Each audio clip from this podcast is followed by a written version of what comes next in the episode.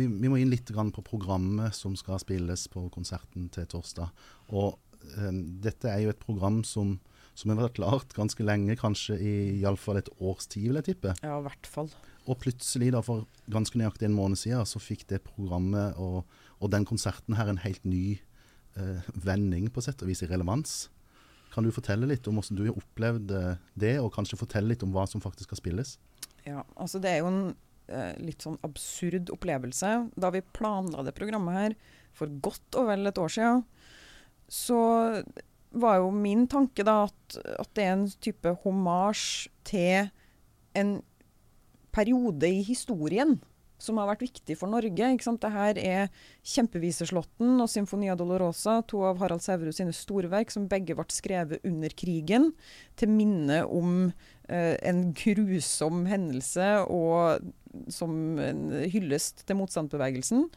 Uh, vi har Miaskovskij cellokonsert, som også er skrevet under andre verdenskrig. Og vi har Tveit sine hardingtoner, som også er blitt til i, i samme periode. Og, og, det skulle liksom være et historisk monument. Og så står vi her, og så plutselig er det så dagsaktuelt som klassisk musikk veldig sjelden er. Uh, så jeg må si det var litt uh, nesten skremmende uh, å kjenne på. At fader, det her er jo det her er jo det vi snakker om i dag. Er det noe du og orkesteret har snakka sammen om? Hvilke røkte? Vi, vi har uh, vært inne på det, ja. Uh, vi skal nok snakke mer om det etter hvert. Og det er definitivt noe vi kommer til å nevne på konserten. For det er helt speisa at uh, Altså Om det er en tilfeldighet, det er nesten så jeg tviler på det. Mm. Og Det er altså kommende torsdag. Og det blir jo en spesiell måte å starte et, eh, et, kreativt samarbeid med et orkester på, kan jeg tenke meg. Men, men er det noe Altså Det er kanskje litt vanskelig å svare på, men, men forbereder man seg på det her på en annen måte når plutselig verden endrer seg sånn som Altså når plutselig musikken får en helt annen relevans? Er det mulig å si noe om det? Jeg vet ikke om jeg har forberedt meg annerledes før denne uka, her, men det er klart at du, du kjenner jo at det her er viktig. Det her er noe som angår folk, og vi har et ansvar for å nå inn til folk med den musikken her. Uh, det er en følelse som ikke så ofte er til stede vanligvis. Uh, som for så vidt er et privilegium. Det er et privilegium å få lov til å være dagsaktuell som klassisk musiker. Det er faktisk ikke hver dag. Så, sånn sett så ja, det er en forskjell. Og, og Kjempeviseslåtten, uh, for å være litt sånn personlig, så er det et av de klassiske stykkene som er skrevet i Norge som, som taler mest til meg personlig. Uh, kan du fortelle litt om du, hva du legger i Kjempeviseslåtten, egentlig både tematisk og kanskje musikalsk? Ja, helt enig. Altså, Kjempeviseslåtten er jo virkelig et av, en av de store hitene vi har i Norge. Kanskje den og Grieg Amol som, er, som står sterkest. Um, nei, altså Harald Sæverud sa jo sjøl han eh, var på en eh, liten rundreise. Eh, skulle til Oslo og tilbake igjen. Tok bussen, som den gangen var en lang tur på 30 timer eller noe, for å unngå å sitte på toget sammen med tyskerne. Og han satt på denne bussen og reiste gjennom den norske naturen som han var så glad i, og så tyskerbrakka. Og bare kjente et sånt raseri boble opp i seg. Det her var i, midt, midt, i krigen, 43 hvis jeg ikke husker feil. Og så sa han det at jeg kan ikke banne, så jeg måtte ha et annet utløp for den, det raseriet.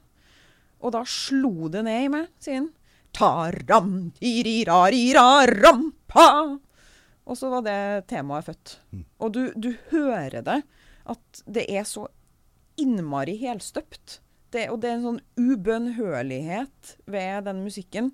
Så jeg skjønner godt at du og veldig mange andre lar seg rive med av det. For det er altså du Ja. Det, det går liksom rett til kjernen av frihetskampen. Mm. Og det er ikke det eneste stykket av Sæverud som skal spilles. Kan du fortelle litt om, om, om det andre? Ja. Um, så Kjempeviseslåtten er jo skrevet til heimefrontens store og små kjempere. Symfonia Dolorosa, som også skal spilles, er jo mer et sånt testament over menneskelig lidelse.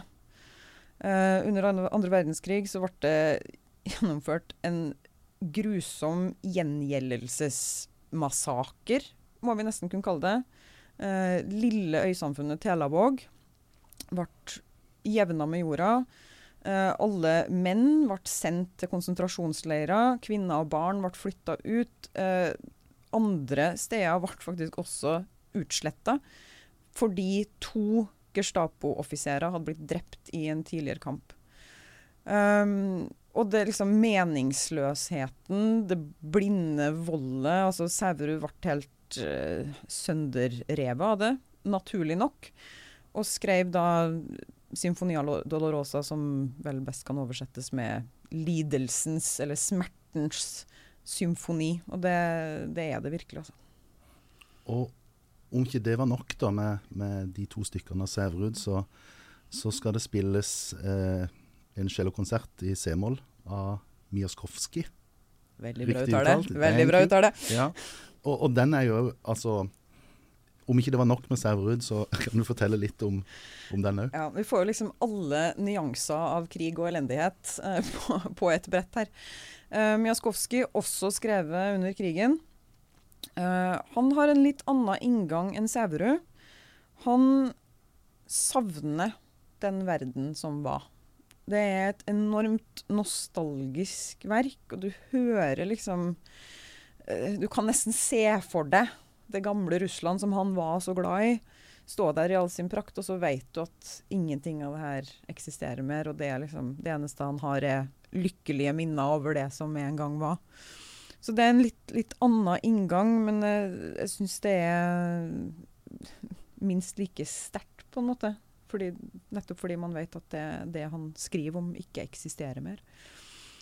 Og så er det jo i den sammenhengen her, som vi befinner oss i i dag, ekstra spesielt å vite at midt i andre sats så er det en episode som plutselig går i tre fjerdedelstakt. Dere kommer til å høre i muta trompet. Blant annet eh, en ukrainsk dumka. Mm. Det er en uh, type ukrainsk folkemusikk. Uh, veldig utbredt. Uh, hvis, hvis, dere hører på klassisk musikk, så kjenner mange av dere sikkert Dvorsaks Dumki Trio. Som er helt og holdent basert på sånn Dumki-musikk. Og, og, midt i russiske Miaskovskijs cellokonsert så finner vi en ukrainsk dumka. Mm det er også litt sånn for godt til å være tilfeldig. Det kan ligge an til en følelsesmessig følelseslada kveld på torsdag. Det gjør det absolutt. Jeg kjenner det allerede. ja. Jeg vil bare ønske uh, si tvitvi. Tusen takk. Uh, jeg håper det blir en bra konsert for de på scenen og de i salen. Og så snakkes vi neste gang. Det gjør vi.